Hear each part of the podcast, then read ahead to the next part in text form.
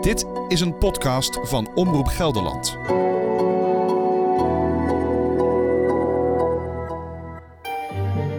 De Wilde Borg is een van de acht beroemde kastelen rond het Achterhoekse dorp Vorden. Het wordt al acht generaties lang bewoond door één familie. De huidige bewoners zijn Janine van der Plassen-Staring en haar man Evert Kees. Zij geven ons in deze podcast een uniek kijkje in hun leven op een kasteel. Ik realiseer me als mensen het huis binnenkomen dat ze denken dat het een museum is. Maar ze wordt hier wel met fietsjes rondgereden en, en ja, gewoon voor het gevoel dat, dat hier wordt gewoon geleefd. Maar is het leven op een kasteel in deze tijd wel het sprookje waar het vanaf de buitenkant op lijkt? Of is het beheer van een familielandgoed vooral een last die je als nieuwe generatie ongevraagd in de schoot geworpen krijgt? Dat onderzoeken we in deze podcast Een Gelders Landgoed. Vandaag deel 3. Het zwaard van Damocles.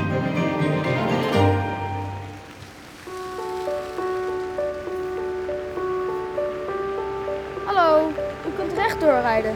Rechtdoor. Nou, gaan we even kijken. Dankjewel. Bedankt. Fijne. Het is nog steeds open tuinenweekend bij de Wilde Borg. De Engelse landschapstuin achter het huis is toegankelijk voor publiek. Voordat ik met Janine en haar man Evert Kees ga praten over hun leven op de Wilde Borg, gaat de kasteelvrouwen eerst nog even de tuin in om met de bezoekers te praten. We komen uit Hellevoetsluis. We staan hier op de camping in eh Voorde. Dus we zagen dit en we dachten, nou, daar moeten we naartoe, hè. Dit is de kans. Dus eh, Bovendien zijn we gek van eh, tuinen. We gaan eh, heel vaak naar Engeland. Maar dit, doet, dat, dit kan wel meespelen, ja. dit in is die wel een. Engelse tuin in ons idee. eh. ja, hier zijn we helemaal weg van. Dit vinden we echt geweldig. Maar je ziet het gelijk. Er zit, er zit structuur in, er zit een Engels landschap in. Het huis is prachtig. Ja, het is een mooie kans om vandaag langs te komen. En er zijn pauwen. Ja, je hoeft helemaal niet naar Engeland hè, voor dit soort prachtige plekjes. Die hebben we ook gewoon in Nederland. Ja, nou, dat zeggen we. Dit kan mooi meedoen in Engeland met, eh, van de National Trust bijvoorbeeld. Hè. In Engeland zou dit van de National Trust zijn. Ik weet niet of dit nog particulier bezit is. Ja, Dat is knap. dat is knap. Het is heel knap om dat vol te houden, lijkt mij eh eerst. Maar ja, het is geweldig. Ja. Wij, ja, de- voor ons is het eh, het uitje van het jaar. Wij vinden dit helemaal leuk. Dit Ja. is echt... eh, we zijn zelf, we krijgen een nieuwe tuin, dus we kijken ook stiekem gelijk voor onze eigen tuinideeën. Bent u nou ook jaloers als u dit allemaal zo ziet? Eh, ja, eigenlijk wel, ja. Dit zou ik ook wel willen hebben. Maar we krijgen al een aardig grote tuin. Dus ik denk dat wat we krijgen voor ons samen genoeg is. Maar als je die, er komen dus bij. Want eh, dit, is de, dit is de vrouw des huizes. Oh, dit is de trouwens huis. Oh, ja, geweldig. Geweldig. Ja. Ja, het ziet er prachtig Ik vind het huis al heel prachtig. De tuin hebben we nog niet gezien, maar ik vind de, de, de, de, de, de, de, de rondingen en eh, alles van, de tuin, eh, van het huis ja, fantastisch. Dus ik weet niet waar u uw ideeën vanaf heeft. Nou, eh, we- ik heb het huis zo doorgekregen. Ja, ja, eh, weer van mijn ouders enzovoorts. Eh, dan ga je in de familie natuurlijk verschillende generaties terug. Maar eh, het huis zoals u het nu ziet staan is een soort bouwpakket hoor. Het is eh, begonnen als een poortgebouw. Daar heeft de generatie wat aangebouwd. De volgende generatie maakt het nog een beetje groter. Ja, Nou, en uiteindelijk staat dit er dus nu. ja, ja. Maar het is een topprestatie dat u de tuinen zo mooi onderhoudt. Want als ik net tegen die meneer te vertellen, we komen heel vaak in Engeland. Ja. Ja. ja, voor de corona natuurlijk, maar minstens drie keer per jaar. En we zijn ook lid van de National Trust. Oh, leuk. Ja.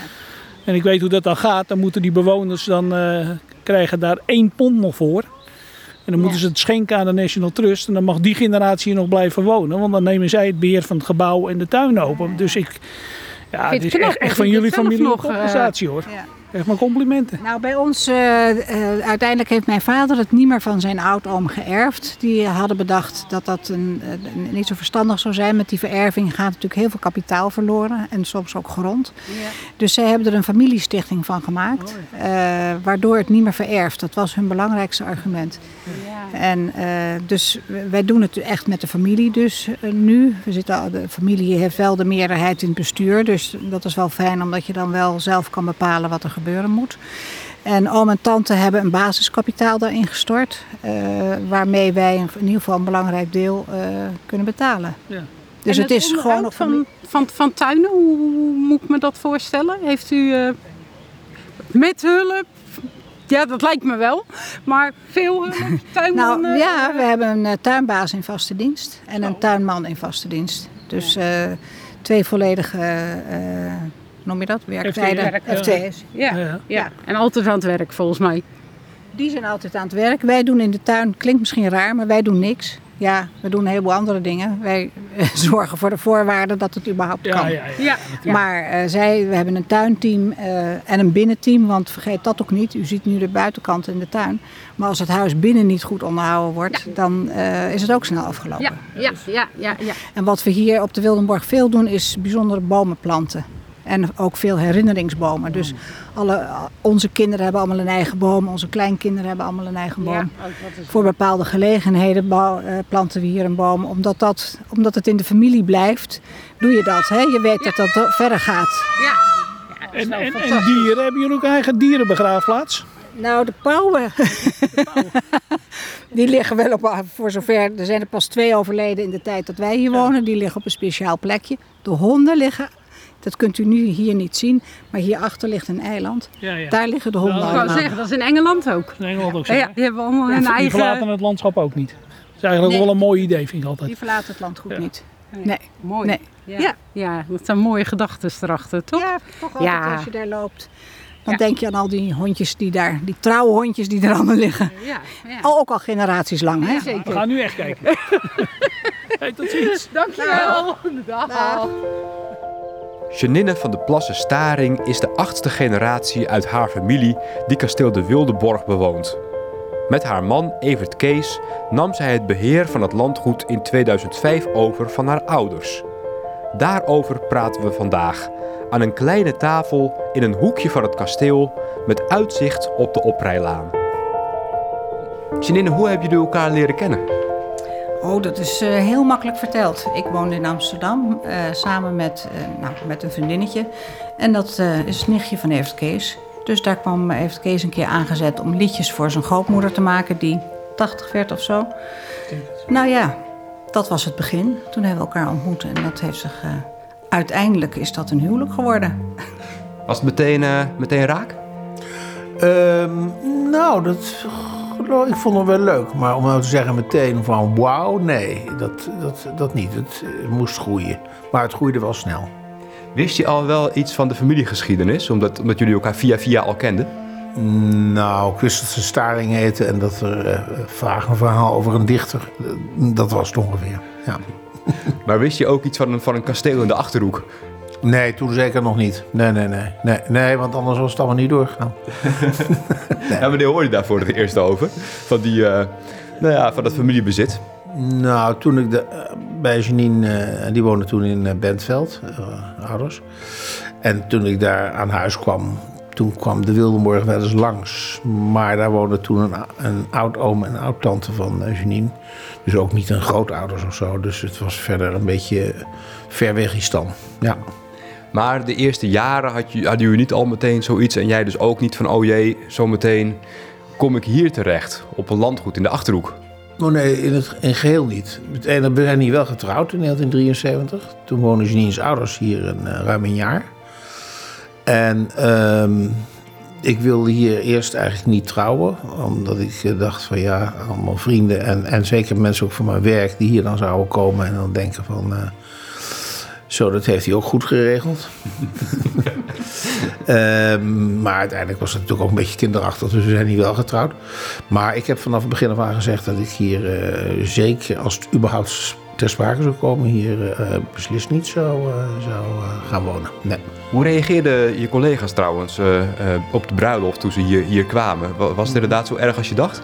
Ja, want toen ik na de huwelijksreis terugkwam, toen zeiden ze zo, dat heb je goed bekeken, moet jij nou eigenlijk wel werken? Wat deed je voor werk? Ik werkte bij Unilever. eh, en meer specifiek bij Calvé. Calvé de Betuwe, bekend van de pindakaas en de jam. En eh, ik had Nijrode gedaan. Ik had in Amerika marketing gestudeerd. En daar had ik dus een marketingfunctie. Ja. Wat heb jij gedaan, Janine, voordat je hier terecht kwam? Uh, ik heb in Amsterdam gewerkt bij uh, Stichting Diogenes. Dat was een stichting in Amsterdam die uh, restauraties in de binnenstad uitvoerde.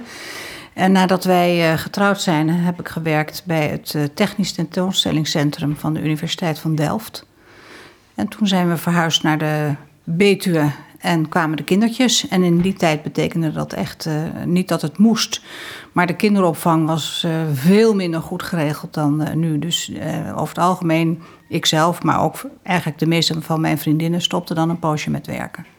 En toen ben je kinderboeken gaan schrijven? Dat gaf de ruimte. Ik was thuis en uh, had dus, nou, niet, ik zal niet zeggen dat ik veel tijd had met drie kleine kinderen. Maar uh, blijkbaar ontstond er toch ruimte om te gaan schrijven. Ja, uh, eigenlijk een beetje op aandringen van Evert Kees, moet ik eerlijk zeggen hoor. Want ik was dat anders denk ik niet gaan doen. Hij heeft me zogenaamd ontdekt. Is het zo? Ja. ja. Volmondig. Nou ja, ik was inmiddels bij Unilever weg en ik werkte bij Kluwer, uitgeverij in de educatieve hoek. En um, um, ik uh, kon dus wel een beetje beoordelen uh, of ze kon schrijven. En ze schreef in die tijd nogal iedere week, geloof ik, een, kaart naar haar moeder hier, op de Wildenborg. Uh, met belevenissen. En dat, was, dat waren echt hele mooie verhalen. Dus toen zei ik, dat moet je eigenlijk bundelen. En dat moet ik uitgeven. Ik zag er natuurlijk meteen een commercieel object in. Nou, Janine zag dat helemaal niet. Die vond dat normaal. Hè? Iets waar je, dus vaak zo, als je ergens goed in bent, dan vindt een ander dat bijzonder, maar zelf vind je het eigenlijk doodnormaal. Dus um, dat, dat, uh, dat ging niet door. Totdat ik in de Rotary in de Betuwe, een, eh, een, daar zat ene Kees Heuf, een kunstschilder.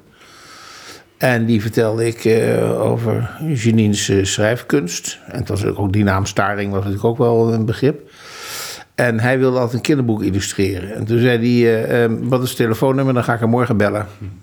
En dat heeft hij dus gedaan. En die was zo fanatiek. En die heeft Janine eigenlijk ehm, overgehaald om een boek te gaan schrijven. En zou hij het illustreren. En dat is ook gebeurd. En jullie waren dus al van, van Delft naar de Betuwe gegaan. Dus jullie waren eigenlijk al een stapje in de goede richting. Ja, zo kan je het eigenlijk wel zeggen. En we woonden daar ook in een dorp. Dus aan het dorpsleven zijn we in de Betuwe ruim gewend geraakt. Dat... Welk dorp was dat? We hebben eerst in Ingen gewoond en later in Linde. Eigenlijk in de buurt van Tiel. Zo kan ik het beste uitleggen. En wanneer kwam het zwaard van Damocles dan toch naar beneden? Wanneer kwam inderdaad toch wel ter sprake van uh, die Wildeborg? Wat gaan we daar nou mee doen? Ja, Janine's ouders werden natuurlijk ouder en ouder. En de vraag kwam natuurlijk op wie gaat hier wonen. En uh, nou, nogmaals, ik, uh, ik eh, voelde er uh, eigenlijk helemaal niets voor. En Janine dacht van, nou ja, als je er niks voor voelt, hoef ik het überhaupt niet aan de orde te stellen. Bovendien ben ik de jongste. Dus op zichzelf ook niet het meest logische. En in het begin van deze eeuw heb ik een sabbatical genomen. En toen dacht ik, wat, wat wil ik de rest van mijn leven eigenlijk nog doen? Behalve die uitgeverij, wil ik nog iets heel anders doen. En dan heb ik drie maanden ben ik uh, eruit geweest. En um, toen was de Wildenborg één van de opties die ik uh, kon bekijken. Mm -hmm. En er waren een paar andere leuke opties. Maar um, toen dacht ik, nou ja, als, dit, als, als, als, dan is het misschien wel, uh, misschien wel een idee. Nou, Janine was stom verbaasd, want die had er al helemaal niet meer op gerekend. Nee, jij ook niet? Nou ja, ik heb steeds gedacht, Evert Kees wil het niet. Ik heb nog een oudere broer en een oudere zus. Ik kom überhaupt niet in aanmerking, dus nog rustig hoef ik niet over na te denken. Dus toen Evert Kees met dat plan kwam, zei hij, zou die Wildenborg niet toch iets voor ons zijn? Toen zei ik, nou, daar moet ik dan wel weer even aan wennen. Dus we hebben allerlei omwegen nog bewandeld. We hebben mijn broer en zus natuurlijk geïnformeerd, uh, of tenminste aan hun gevraagd of zij niet uh, stonden te dringen misschien. We hebben het overlegd met onze kinderen, want wij zagen toen al wel dat het ook, deze beslissing ook wel een beslissing voor hun zou zijn. Nou, die zeiden tegen ons: Is dat iets nieuws? We hebben altijd wel geweten dat jullie daarheen zouden gaan. Wie anders trouwens, zeiden ze. Nou ja, dus toen ben ik gaan denken en toen dacht ik: dit wordt wel een hele mooie uitdaging misschien. Kinderen de deur uit. Ik heb me schrijven, ik heb hier genoeg te doen. Ik had van alles uh, op mijn bordje liggen. Maar die Wildenborg zou nog wel eens een mooie nieuwe uitdaging in ons leven kunnen zijn. Dus uh, toen hebben we toch de knoop doorgehakt en hebben gezegd, nou dan gaan we dat uh, avontuur aan.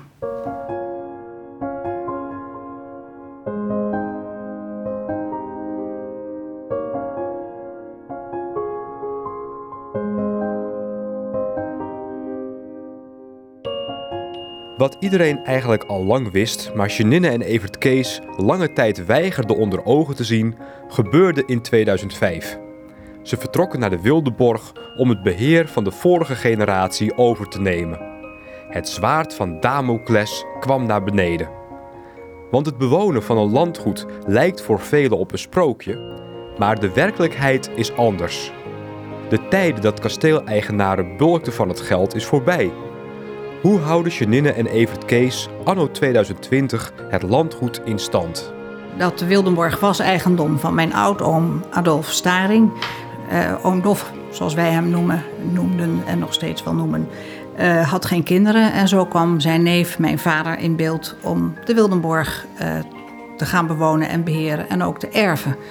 Maar toen zij om zich heen zagen hoe dat links en rechts ging bij vererving, uh, hoe alles, uh, zeg maar, het goed kleiner werd, er ruzies ontstonden, de, boel in verval ging raken. Toen hebben ze besloten dat mijn vader het niet meer zou erven, maar dat oom en tante de Wildenborg in een familiestichting zouden onderbrengen, met inclusief een uh, basiskapitaal.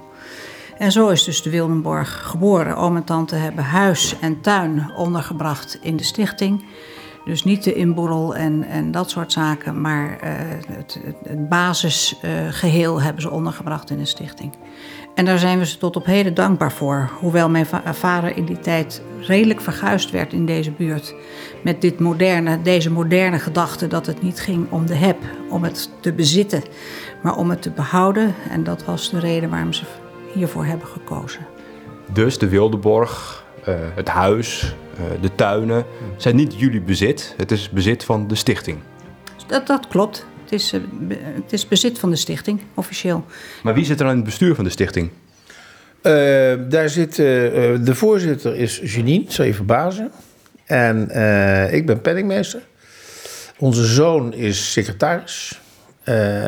binnenkort, er zit nu één dochter in en er komt nog een tweede dochter in. Dus dan zitten al onze kinderen in het bestuur. Dat zijn totaal vijf dus, Janine en ik en drie kinderen. Nu zit, nu zit mijn broer er nog in, mm -hmm. maar die wordt 72, dan moet hij eruit.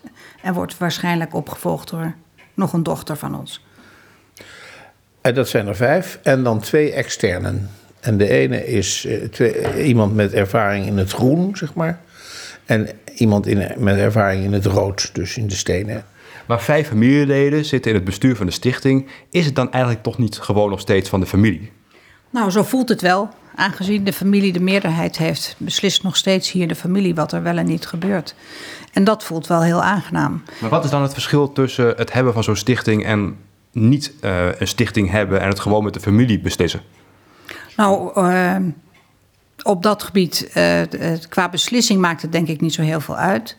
Maar qua financiën wel. Het betekent dat wij, uh, zeg maar, de dingen hier doen. Dat is ook de afspraak. Wij beheren de Wildenborg.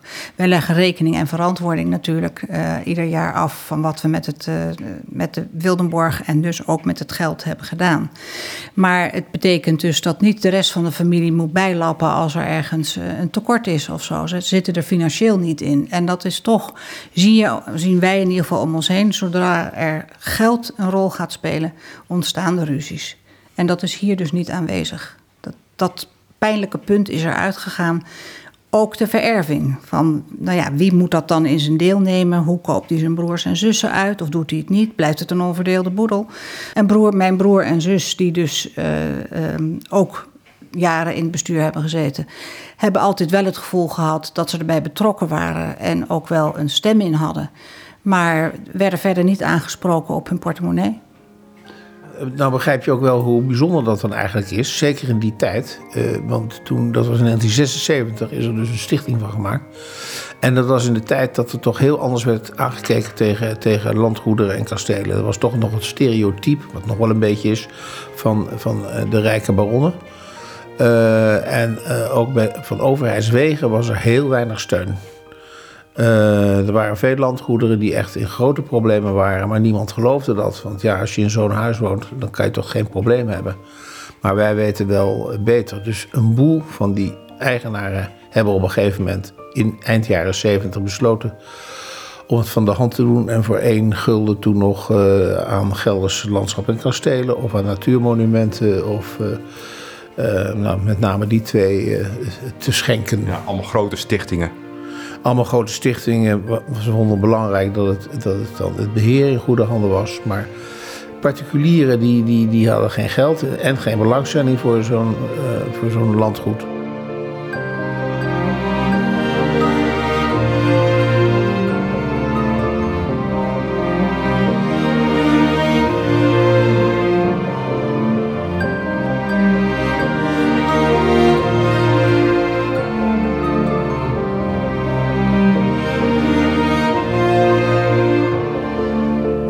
Inkomsten als stichting?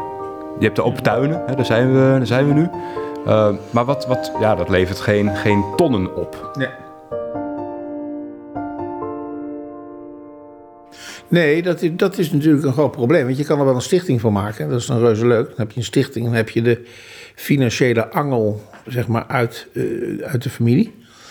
Uh, maar als de stichting geen inkomsten heeft of geen vermogen heeft, dan houdt het nog op. Want het onderhoud is natuurlijk immens duur. Uh, dus uh, het, het, gros van uh, onze inkomsten komt uit het vermogen. dus uit de opbrengst van het vermogen, dividenden en dat soort dingen. Hè? Dus dat vermogen is belegd in obligaties, aandelen, et cetera. Dat heeft nog steeds te maken met dat startkapitaal waar ja. de stichting mee begonnen is? Ja, dat heeft allemaal te maken met het startkapitaal. Hè? Dus als je dat goed belegt, nou, kan je je voorstellen, nu is dat best een probleem, gezien de, de coronacrisis. Uh, en, het, uh, en verder is het uh, de verder opbrengst is de huuropbrengst van het kasteel. Wij betalen dus gewoon huur. Lage huur, maar in ruil daarvoor werken wij voor de stichting. Dus wij krijgen een soort loon in natura, zeg maar. de verhuur van het koetshuis, waar tot voor kort de tuinbasis wonen. verder de verhuur van het koetshuis voor feesten en partijen. Uh, open tuinendagen. Uh, met, uh, met van alles erop en eraan. Tuinrondleidingen, open haardhoutverkoop. En zo komt Jan Splinter door de winter. En jullie hebben nooit gedacht, we gaan rondleidingen in het huis doen voor, nou ja, ja, voor mooi 15 euro of zo per persoon. ja? Daar hebben we het er net nog over gehad, ja. Maar dat mag je niet zeggen. Ik ben degene die er uh, in ieder geval de felste tegenstander van is. Want uh, wij wonen hier, dit is natuurlijk je privéterrein. En dat vind ik bepaald niet prettig om daar mensen in toe te laten. Ook niet voor geld. Um, als het echt niet anders kan en we echt aan de grond raken hier, dan zou je daar misschien uh, nog over na kunnen denken. Maar ik zeg altijd: dan ga ik hier weg. Ik uh, heb er geen behoefte aan om hier mensen in mijn eigen privéterrein uh, rond te leiden. En, en hoe ver ga je in het, in het uh, prijsgeven van je privacy? Ja, ja, dat, uh, ja. Ik weet niet hoe prettig jij het zou vinden als een onbekende door je huis lopen nee, te banjeren. Nee. Dus dat is, dat is wel een. Uh, dat moet je. Ja, zeggen we als het echt niet anders kan. En het is anders financieel niet meer te rooien, dan, dan moet je dat misschien maar doen. Maar, maar, maar. jullie zien het dus echt als een, als een bedrijf. De stichting De Wildeborg is, is een bedrijf. Ja, wij zeggen het is een klein bedrijf. Ik denk dat het voor mij nog uh, ietsje anders ligt dan voor Evert Kees. Het is natuurlijk het, het, bezit uit mijn familie. Wij, uh, uh, de, familie Staring woont hier al sinds 1780 met ergens een kleine onderbreking. Dus ik voel me denk ik meer dan Evert Kees drager van, van, ja, van de verantwoordelijkheid om het erfgoed door te geven verder in de familie. Dus ehm, ik zie het wel als een bedrijf, het is het ook. Ik zeg het ook vaak tegen mezelf. Als er bepaalde beslissingen moeten worden genomen, zeg ik: Nou, het is gewoon een bedrijf. Dus uh, huppakee, wees flink en neem die beslissing. Maar het voelt, um, het voelt anders, denk ik. Ik voel het toch meer als. Uh, ja, het, het, het verder dragen van familiebezit, van familieverhalen, van familiegeschiedenis. En, en datzelfde is natuurlijk van het huis, van de, de Wildenborg. En verder zien jullie het echt als vrijwilligerswerk dan, jullie werk voor, voor, het, voor het landgoed en voor de stichting? Ja, dat is het. Het is gewoon vrijwilligerswerk, ja. ja. Zoals een vriend van ons zei, gelukkig zijn er nog van die gekken die dit willen doen. Maar is het echt... eh, want het, het, het standaard plaatje is natuurlijk... Oh, wat mooi. Die mensen wonen op een kasteel. Die hebben een fantastische tuin. Eh, moet je er echt gek voor zijn om, om dit te willen? Of de familieband hebben? Of, nou ja, daarin meegesleept worden? Nou, ehm, op het moment dat wij het beslisten, hoewel ik heb gezien hoe mijn ouders hier woonden en wat dat voor hun betekende, eh, hebben wij ons niet voor 100% kunnen realiseren welke beslissing we eigenlijk namen. Het heeft een behoorlijke invloed op je leven. Eh, het, het- wonen hier, het werken hier, het samen, het samen doen. Wat wij, eh, hè, wij, verdelen de taken. Ehm, je moet oppassen dat je het dus niet eh, alleen nog maar daarover hebt. Het, het, het heeft absoluut invloed op je leven. En ik realiseer me ook, en dat, dat vind ik wel eens moeilijk, dat ik daar dus ook mijn kinderen mee op heb gezadeld. Die dat niet zo voelen, geloof ik. Maar ik voel dat wel. Die zullen dus ook eens die beslissing eh, misschien hopelijk nemen om hier te gaan wonen en zich er helemaal voor in te zetten. Zonder misschien ook voor 100% te weten waar ze voor kiezen. En eh, het, het, het betekent dat je een heleboel dingen wel kunt, natuurlijk. Hè. Kijk om je heen en zie hoe fijn het is.